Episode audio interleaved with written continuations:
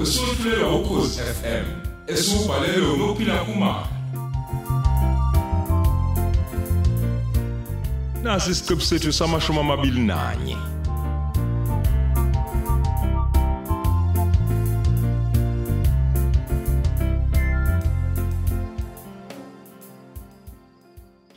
Hayibo. Kwenzakalani? Ngiyaphupha noma ngiyacabanga? Hayi angixake lento eyenzekela manje. Ngoba phela ngilale ngingamcabangi noZipho. Ngabe pho lokho kwenzekayo? Kusho ukuthini? Noma indlela engikhonjiswa ngayo ukuthi ngiphazamile. Ngaxhamazela bekungamele mhlambe ngithatha ukholeka. Phela ngike ngazizwa ngithatheke uNozipho. Ngaphambi kokuthi ngiyokolobola ukholeka. Kungenzeka ngempela yini ukuthi ngenzi iphutha?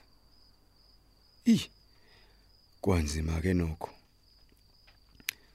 Mhlawumbe kuzofanele ngithi ukuma kancane ukukhuluma indaba yomshado ukukholeka. Ey, ngiqale ngibukisise kahle ukuthi yini kwenze njani, kwenzakalani?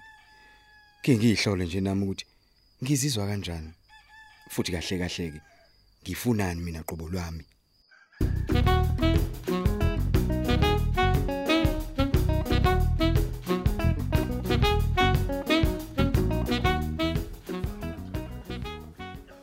Sawubona mawengane.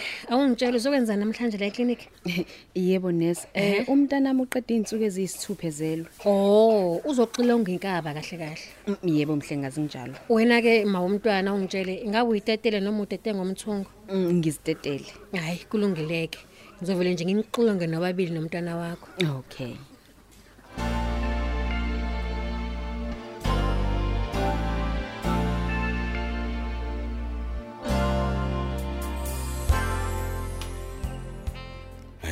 Yini ngempela? Yini lenzekela kumina? Kwenzakalani? Yazi, amihlami awapheli nozipho.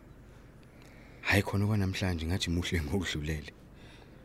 Yazi, ngizizwa ngifisa ukukhuluma naye kodwa angazi uma ngithi ngiyaqala ngivula umlomo ngizothini. Oh hey, yazi yabhlungu nani sento engiphethe enhliziyweni engingazi ukuthi ngizothi yini. Pho-ke nawe unozipho ngathi uyabona ukuthi no man khona into engibhekene nayo la. Ngoba mangidlula kwidesk yakhe uvela ngibuke nje amamatheke. Hayi mhlawumbe kuzomela ngiyijube ngiye kuyena. Kodwa manje ngizofika ngithini ngempela? Oh hayi ngizofika ngicela ngiboleke istapler sakhe. Awuzwa ke kodwa kwalikhuni nokho. Hayi Unjani kodwa namhlanje nkosazana? Ngiyaphila Mr Spiya. Wena unjani? Cha. Nkosazana eh eh ngi- ngi- ngiyaphila nami. Be be- bengicela nje ukuthi ungiboleke i- eh, stapler sakho. Hey esami yazi azivuma ukusebenza ngiqonda ukuthi inkinga yasi kuphi. Hayi khulileke ungasithatha. Vele ke angizusidinga nami kwamanje. Hayu ngiyabonga nkosazana. Hayi. Mangiqeda nje ukusebenzisa sobe sesiphezulu kwedesk lakho. Uma kwenzeka ke usidinga ngingakaqedi usebenzisa ungesaba ukuza phela ngale ehhovisi lami. Eh, eh, eh, nko- Nkosazana. Kungabe kusakhona yini okunye Mr Spiya? Oh hayi eh cha. Eh hayi akukho kunye. Ngiyabonga.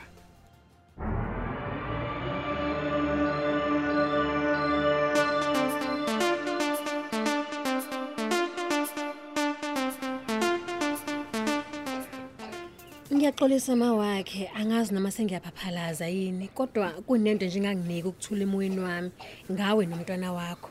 Hayibo Nesi. Kungabe kukhona into okungalungile enkabeni yomntanami? Hayi cha. Uyabona ukukhathazeka kwami akukho mayelana nalokho. Pho kungabe usho Angiphinde ngixolise futhi. Kodwa ukuthi nje angikubuze ukuthi kungabe unalo yini ulwazi lokuthi ubaba wakho wahamba kanjani emhlabeni? hey angiqondi ukuthi unesi ubuzelani kodwa yebo uma wasitshela ngokushona kwakho baba kungabe wena Nesi ukwazi kanjani ukuthi ubaba wami akasekho emhlabeni Mhm, ungadideki sisi. Hayi, ngididekile. Uyabona mina ngumuntu nje wangenwa abantu abadala. Ngakho nje nginesiphiwo nje sokubona zonke izinto engabonwa nombani.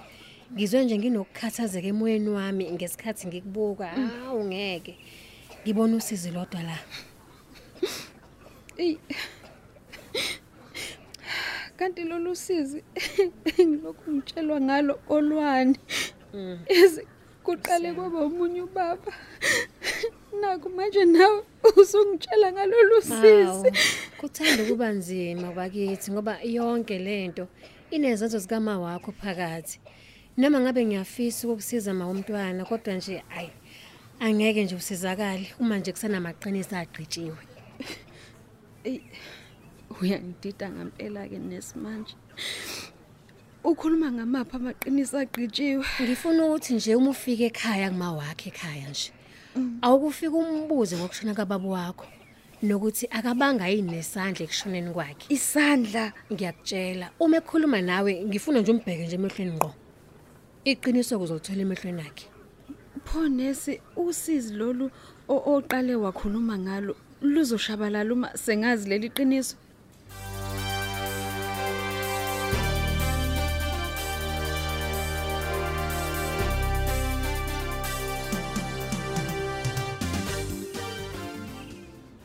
Hayi isimanga ke lesi ngisaqala nje ukusebenzisa lo muthi kodwa useyayibonakalisa impawu. Hayibo ngiyaqala impela ke mina lokhu. Kusho ukuthi ngempela imithi kaSiphethi iyasebenza.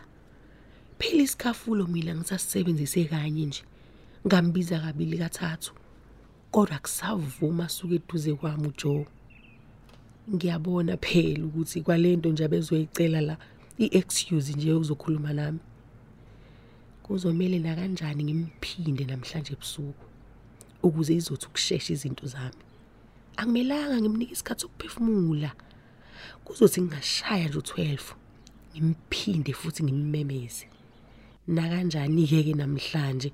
Ngizomthuka esethi mmemfu lapha emqashweni. Kukahle impela ngoba abantu basuke belele kanti futhi nobusi akeze ukubona lutho. Phela izinto zami yeyi zingabheda. Uma ngase kubona ubusi yazi mhlawumbe umuntu kuzofanele athole enye indawo yokuhlala. Nakhona ke mina la eThekwini ngaphakathi hayi ngingahlala. Phela mina umsebenzi wami ungiholela kahle. Angiyiboni ke nje into engaba inkinga lapho. Futhi ngingakuhle impela ngoba yikho into engasiphazamisa mina noJoe. He. Ukube kanti wayentshontsha ngani inhliziyo yami uJoe. Nami yasengilokhu nje ngiyayiqinisa nje kodwa ngiyezwa ngaphakathi ukuthi mm iyagidagida. Angiphathi ke ke khona uma ngabe ngimbona. Awuthi ke ngiye ofisini lakhe. Ngizovele nje ngifike ngicelisa istepla sami. Hayibona phela hawu senyamaleli isikhathi eside bo.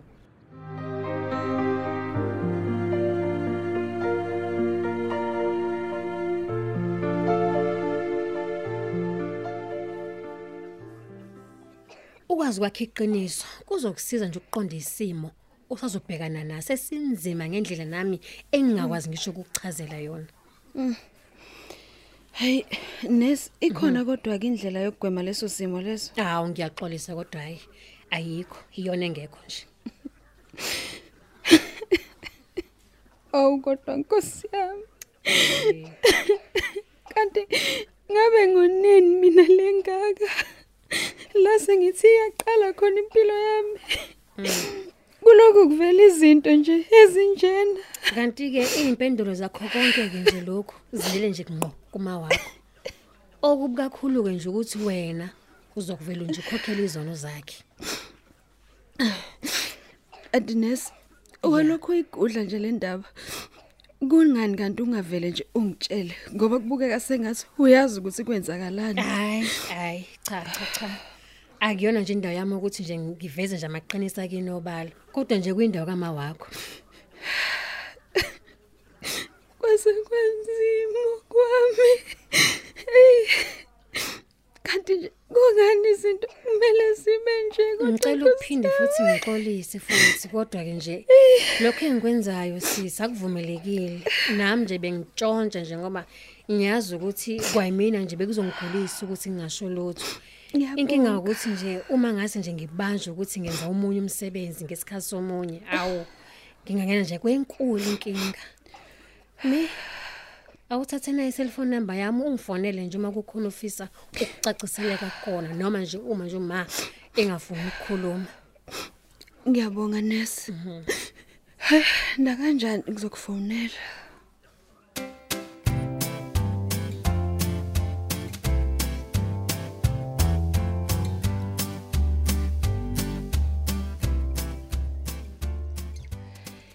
Hey, lwazi lwamnandi usuku lwami namhlanje. Yazi izinto zami manje zikhombisa ukukhanya ngempela ke. Angazi ke yini noma sengaqala ngithi abantu abathungise. Kodwa Philip la sikuyacaca nje ukuthi ngekudala kuzobe kulilizelwa kazama. Yeke ukudilika kwehlathi komadlamini nalomngane wakhe abahleba nayo uMabhengu. Ya kuzofuneka ke ngifonele ekhaya. Ngibuza ukuthi abakhe sebekuphi nomsebenzi. Ngoba phela iziyahlangana izinto kalana.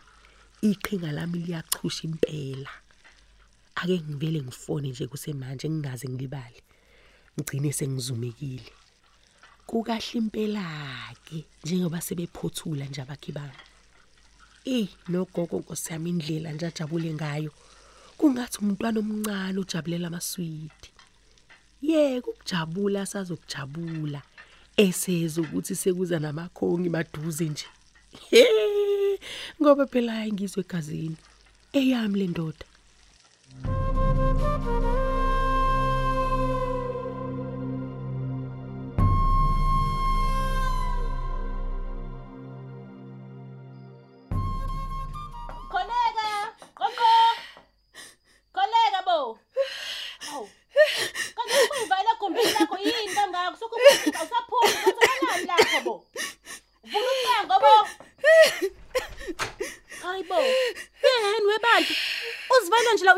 Kanti. Yini? Kuthi kuthi wena ekliniki? akusho ngolutho Hayi bo. Phuwa khala kangaka yini kanti masikufiwe kwenze njani ngani yami? Yi- Yini ngempela Um- umkhwena mhlawumbe ngabe khona kwenzile ongaphasanga kahle mhlawumbe. Hawu, pho yini manje kanti kwenzakalani ngempela ngempela kholeka yini? Khuluma. akwenzekanga lutho Hayi bo kholeka. Hayi bo. Angisiyo phela wena ingane. Khuluma wena kwenzakalani? Ngiyafana nje ma uzongisola ngokungalaleli lokuthi ngikubukanisa nomakhelwane Hayi bo. engasiyoke lento eyenzekayo ukuthanda kwami Hayi bo. Ukhuluma ngani? Yini wena ngane ngempela ukhuluma ngani? Ema ubaba washona kanjani Hayi bo. Umsangano umuntu lo ngibuza wona ngempela manje wena. yabona ke Hawu. Awusazi manje ukuthi ubaba wakho umbele inhliziyo washona. wema awubanga nesandla ekushoneni kwakho baba Ha ha ha ini? Nansi imhlola yambo. Wekholeka. Ufuna ukuthini kumina ngempela wena umthetho wakho? Ufuna ukungisola? E- Ekholeka. cha ma ngibuza ngokushona kababa ukuthi kwenzakalani ngicela iqiniso Ah, hayibo. Manje uzivayela la nje egumbini lakho lokulala nje ucabangana nokufa kwayihlo. Hawu, uzuba uyakhala nje impela. Uyakhala. Uyakhala khola kusho ukuthini ngempela imizamo yami enkaka. A- Ayibonakali mhlambe kholeka. Iminyaka eminingi ngikhala. Ngimkholisa ngihedwa ubaba ashona nibancane mntanami. Ngenza isiqiniseko sokuthi niyakhula kahle. Anishodi ngalutho. Namhlanje ngiphosa imibuzo. Engasi ngumuntu omumbi. angishongo mina Hayi, mawuthi Bukhoneka. umuntu omubi Ngisikele kodwa manje ngiyacela. ngibuza mina ngokushona kababa cha Hayibo, ko- hayibo kholeka kusukaphi? Hayibo, ungihlome ngembuzo mina kayihlo kholeka. Umthetho wakho ngempela ubungayile abantu neklinik ubuhamba indlela ezinye nje. Hawu, kukhona yini ufuna ungisola ngakho ngani yami? Awungitshele. Uma kukhona nje ufuna ukusho, usho manje kholeka ngithi manje uyangizwa.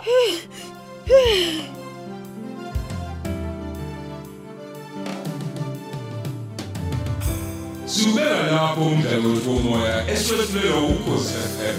Osihloko sithi kungenxa yakho.